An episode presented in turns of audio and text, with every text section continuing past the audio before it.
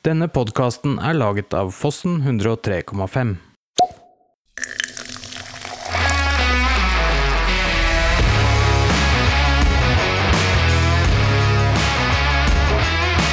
Spis! En podkast om mat for hele Ringeriksregionen.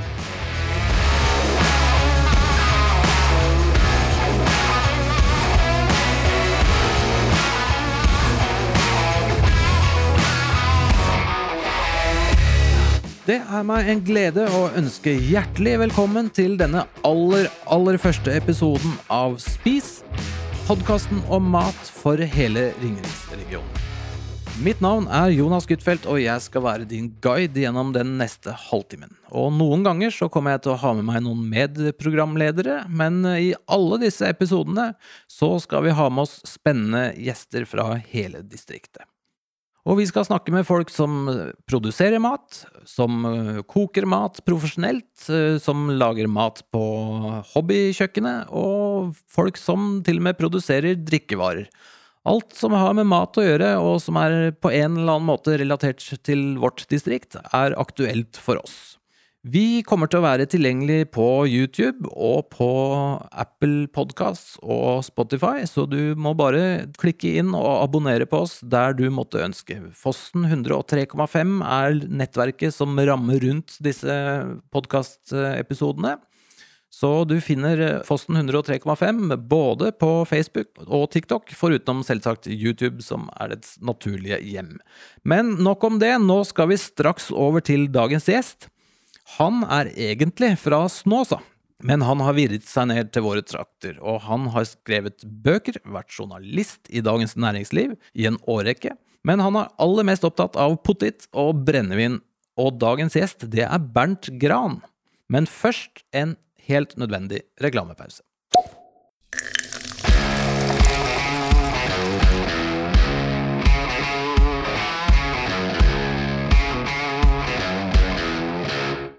Hei, du. Prøv å legge merke til hvor oppmerksom du er akkurat nå. Du hører hva jeg sier, ikke sant? Og merk at du nå får budskapet mitt rett inn i øret, mens du er oppmerksom. Podkastlyttere er typisk sånn som deg. Oppmerksomme og lojale. Folk er faktisk tre ganger mer mottagelige for annonser i podkaster enn i TV-serier. Er du nysgjerrig på om annonsering hos Fossen 103,5 kan være noe for deg? Kikk i episodebeskrivelsen. Der finner du en e-postadresse som du kan sende dine spørsmål til. Og du, ikke nøl med å sende den e-posten. Det er nå vi har introduksjonspriser. Vi gleder oss til å høre fra deg.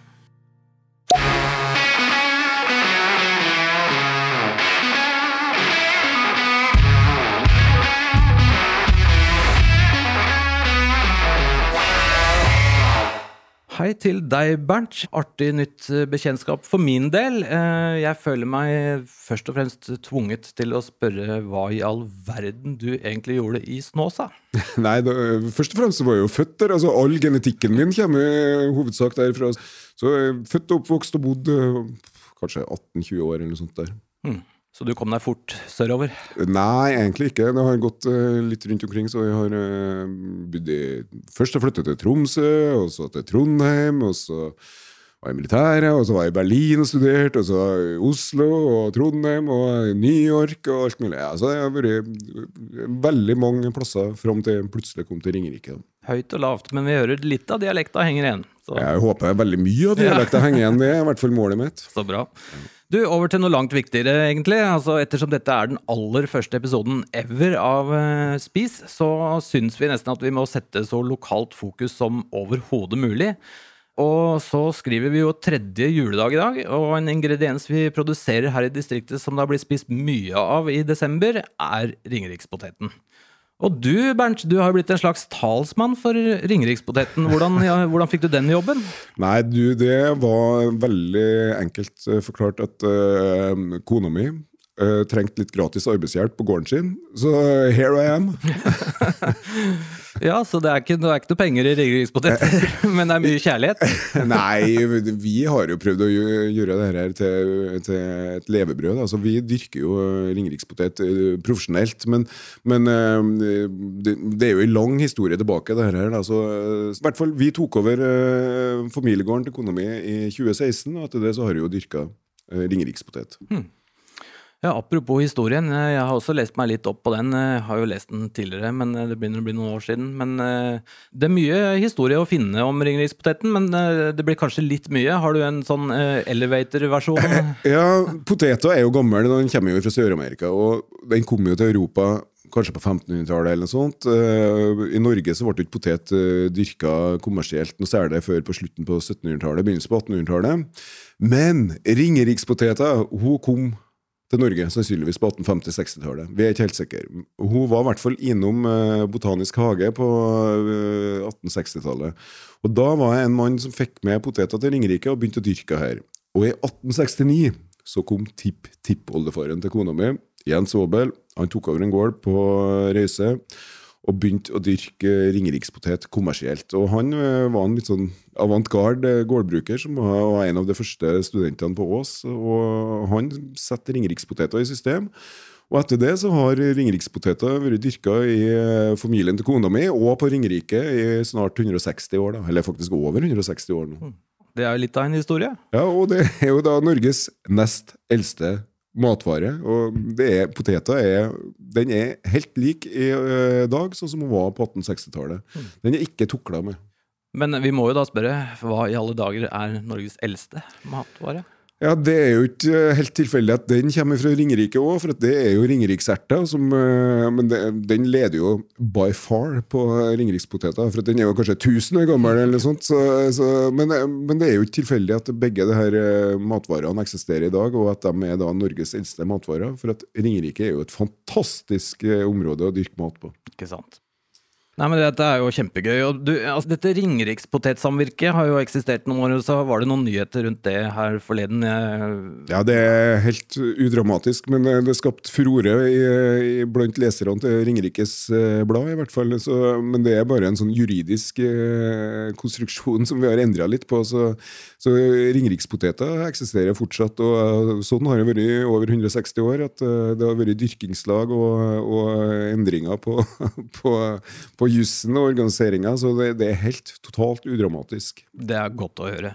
Du, Jeg har en sånn liten malapropos historie på, rundt det der. for eh, En gang i tida så skulle jeg importere noen tomater fra Italia. okay. Eh, hermetiske sådan. Eh, San Marzano-tomater. Det Dette var, var viktig for meg i forbindelse med noe pizzaproduksjon, som vi skulle følge noen sånne konvensjoner og greier. Ja. Og så måtte jeg til Napoli, og jeg fikk via en sånn pizzaorganisasjon så fikk jeg et møte med han som var eh, leder av det samvirket for, eh, for eh, den tomaten. da.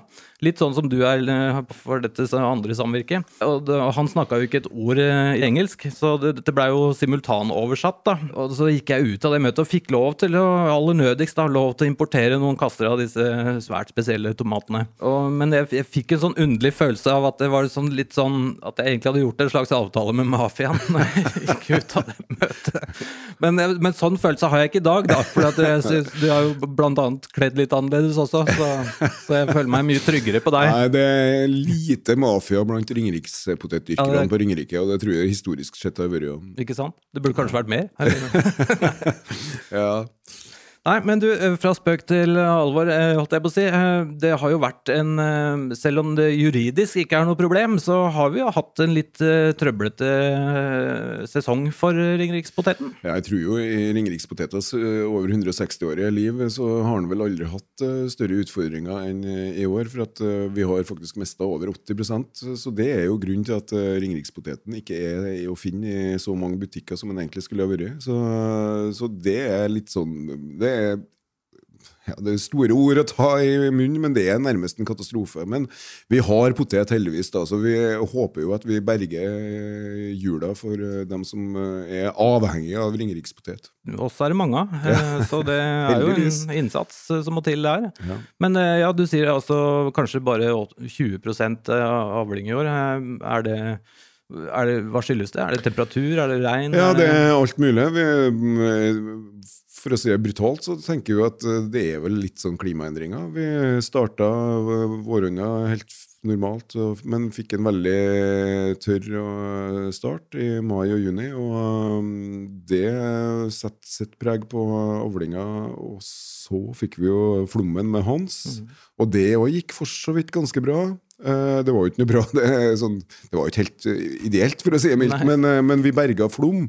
Men det var mer enn nok regn. Men så problemet kom 14 dager etterpå. Da fikk vi jo eh, 27.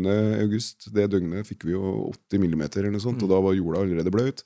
Og ei potet som står i blaut jord, som får enda mer vann, den drukner rett og slett. Og ei drukna potet, den råtner. Så det er det store problemet vårt. eh. Så jeg tror faktisk ikke eh, ringerikspoteter har opplevd en større trussel Nei, eksistensiell trussel siden uh, tørråten kom til det landet på 1800-tallet. Ikke sant? Nei, det er jo litt skummelt, og det er, vi er jo spådd eh, en framtid med, med, med mer nedbør, og, og mye nedbør av gangen. Så, så det kan jo være eh, en utfordring for framtida. Ja da, så vi må tenke på det, alle som dyrker potet, ikke bare ringerikspotet, men vi må også tenke på, på, på hvor vi setter poteter, og, og tenke enda mer på drenering. Og bli enda flinke, flinkere agronomer, det er jo det som er utfordringa. Men samtidig så gir jo noen muligheter. Eh, potet som vekst, den må ha vann, så det er bra med, mye regn, for så vidt. Men, eh, men alt i en balanse, da, selvfølgelig. Ikke sant. Du, det er vel eh, kanskje mandelpoteten som har dominert til julemiddagen som ringerikingene har spist nå, men, men til rakfisken og lutefisken eh, og kanskje til og med pinnekjøttet så er vel eh, ringerikspoteten foran, kanskje? Ja, jeg er jo ikke helt enig. i det. for eh, Mandelpoteter det er jo en litt sånn moderne popularitet. For 20-30 år siden så var det ikke så mye mandelpotet rundt omkring. Så den har vel på en måte spist veldig mye av markedet til ringerikspotet. Og nå skal jo sies at Sjøl er jeg jo fra Trøndelag, så jeg har jo vokst opp på mandelpotet sjøl. Og som liksom eh, flotteste matpoteter du kan få. Eh, Naturlig tilbehør til sodd, f.eks. Eh, så eh, mandelpotet er jo en fantastisk god potet, men det er to forskjellige poteter. Så, så jeg tror nok at eh, historisk sett så har ringerikspoteter de siste 150 åra dominert mer enn mandelpotet.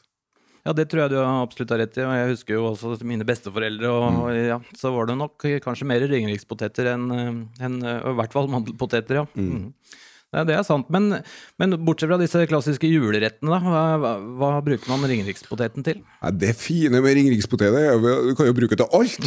Absolutt alt! Men eh, nei da, vi med, Nå snakker jeg kun for meg sjøl, men, eh, men vi bruker eh, ringerikspoteter til mm, alt fra potetstappe til ovnsbakte poteter, eller bare dampa i stekepanna, eller, eller koka sånn normalt, eller, eller vi bruker faktisk å dampa i, i en kjele, da. Så, men, eh, men eh, hun passer jo veldig bra til veldig mange eh, matretter. Og den er jo litt sånn spesiell i, i konsistensen. Den er jo både melen og fast samtidig. Så, så det, er en, det er jo en helt spesiell potet. Men mm. til julemat så kan du jo bruke den til hva som helst. Og, og veldig mange av kundene mine får jo rett og slett ikke til å, å konsumere rakfisk uten at de har eh, ringerikspotet. Jeg, jeg må kjenne, kjenne meg veldig igjen i akkurat det. Eh, Det er, jo- det er, nesten like viktig som fisken, eh, for å være helt ærlig. Ja, nettopp. Så nei, men det, men det hører du, du sier du damper. Så det, for det er jo litt sånn at den poteten den trenger litt sånn varsom eh, behandling. Eh, Du, den Ja. må for guds skyld ikke fosskoke det vannet, og det er, altså man må være litt Og den har relativt kort koketid også. Ja da. ja da. Ehm, en måte å gjøre, det på er f.eks. å ha i båter, eller eh, hvis du har små ringerikspotet som er veldig, veldig flotte, så mm, kan vi mm, dampe bare i en kjele med litt olje eller noe sånt. Eh, og etter et kvarter så er de gode. Eller så kan du ovnsbake dem med salt og, og, og, og i varme i ovnen. Det blir òg veldig godt. Eh, det er egentlig mm, og det er bare fantasien som setter grenser her. Og det er god matpotet sånn generelt. Jeg har en uh, pussig eh, bruksområde. For snart 25 år siden så jobba jeg som kokk på Tenerife, av alle steder. En kort periode. Eh, og på, eh, på Kanariøyene så har de kanariske poteter. Ja. Eh, og de er også De ligner litt, både i utseende og i smak, faktisk. De er små, og de er litt ruglete, og de eh, Nå har de rett nok kanskje litt tynnere skall og sånn, men de har også den litt sånn nøtteaktige smaken. Eh, de er litt mindre melende, men de er allikevel melende. Og de har, altså, jeg syns absolutt det er noen paralleller der. Og en veldig vanlig ting å gjøre med, med kanariske poteter, da, det er, eh, som sikkert mange som har vært på Kanariene har spist, det er det som kalles papas arugadas. Arugadas betyr jo bare skrukkete, rett og slett. Så det er skrukkete poteter.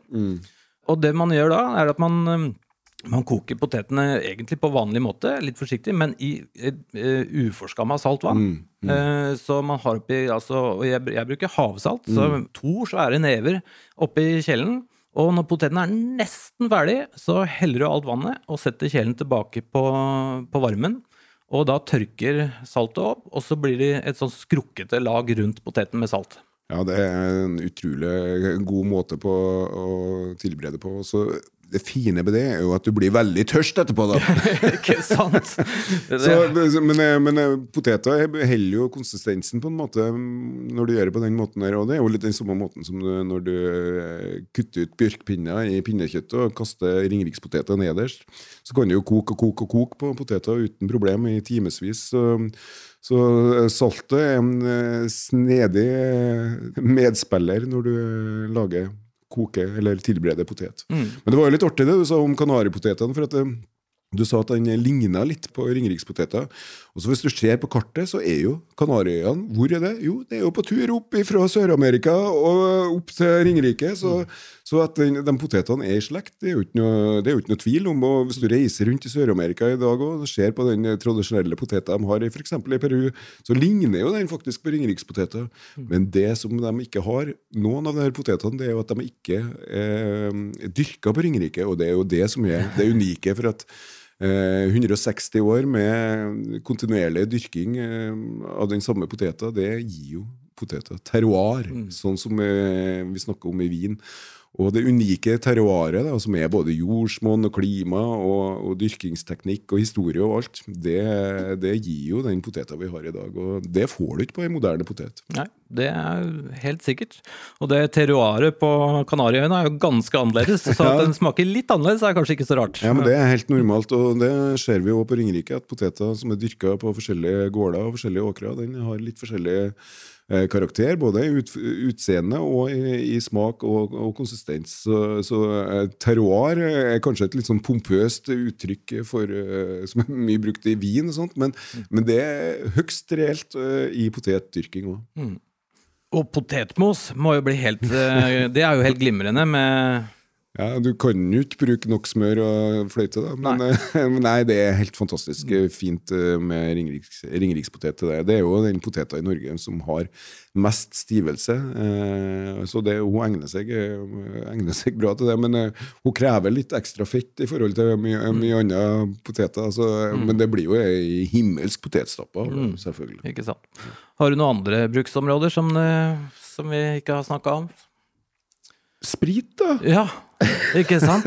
Nei, men, men, men eh, ringerikspoteter kan eh, brukes i det alle retter. Jeg syns hun er veldig god i en salat. Og, og for eksempel når vi eh, starter eh, rett etter Eller liksom midt utpå sommeren eller sånt, da, og går og bare prøver opptak, og, og så får opp den nye ringerikspoteter da, det å ha en salat det er jo kjempegodt. Det har ikke noe skall på å snakke om heller. Så Ringeriks ny potet, ja. ja, nettopp. Det, Eh, det har jeg aldri smakt. Det Nei, du får komme og ta ja. en tur til sommeren. Er gæren? Det er, men er, det, er, den da litt tynnere skall og Jeg sånn? har jo nesten ikke Nei, skall. ikke sant? Altså, det, og, og, Men det aller beste eh, måltidet med ringerikspotet, det er jo uh, utpå kvelden etter middagen er ferdig, og eh, kanskje ligge igjen litt ringerikspotet på kjøkkenet. og Så går du dit og så bare deler den i to, eh, tar litt smør på, og så drysser litt salt på, og så bare spiser. Da, det er den beste ringerikspoteta. Ja, det er jeg helt enig i.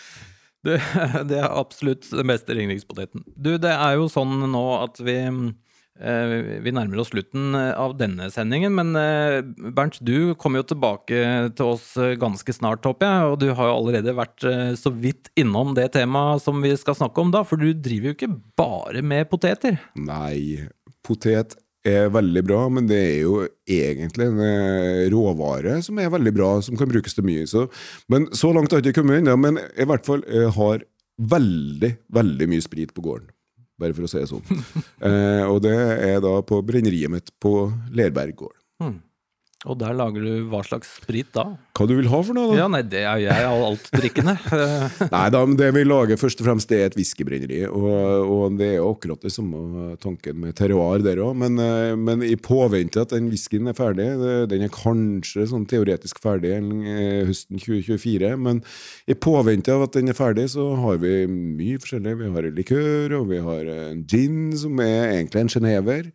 Og vi har en portvin, og vi har, ja, vi har mye rart som vi driver på med. Og så kanskje neste år så kommer nok en akevitt. da. Ja, jeg skulle til å si det. Altså, det, det hører jo til eh, Absolutt. absolutt. Akevitt eh, det er jo en lang norsk tradisjon. Så du tar hele familien. Hvis du nå begynner med fisk i tillegg, så har vi rakfisk. Så har vi, behøver vi bare dra ett sted.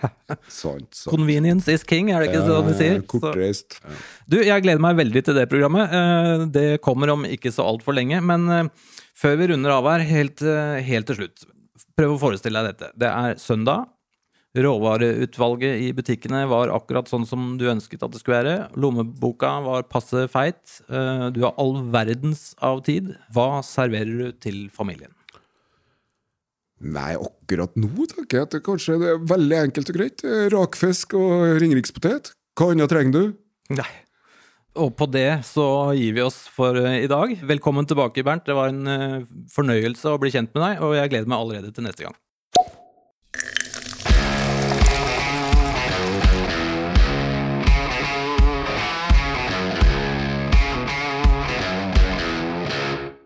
Hei, du. Prøv å legge merke til hvor oppmerksom du er akkurat nå. Du hører hva jeg sier, ikke sant? Og merk at du nå får budskapet mitt rett inn i øret mens du er oppmerksom. Podkastlyttere er typisk sånn som deg. Oppmerksomme og lojale. Folk er faktisk tre ganger mer mottagelige for annonser i podkaster enn i TV-serier. Er du nysgjerrig på om annonsering hos Fossen 103,5 kan være noe for deg? Kikk i episodebeskrivelsen. Der finner du en e-postadresse som du kan sende dine spørsmål til. Og du, ikke nøl med å sende den e-posten. Det er nå vi har introduksjonspriser. Vi gleder oss til å høre fra deg.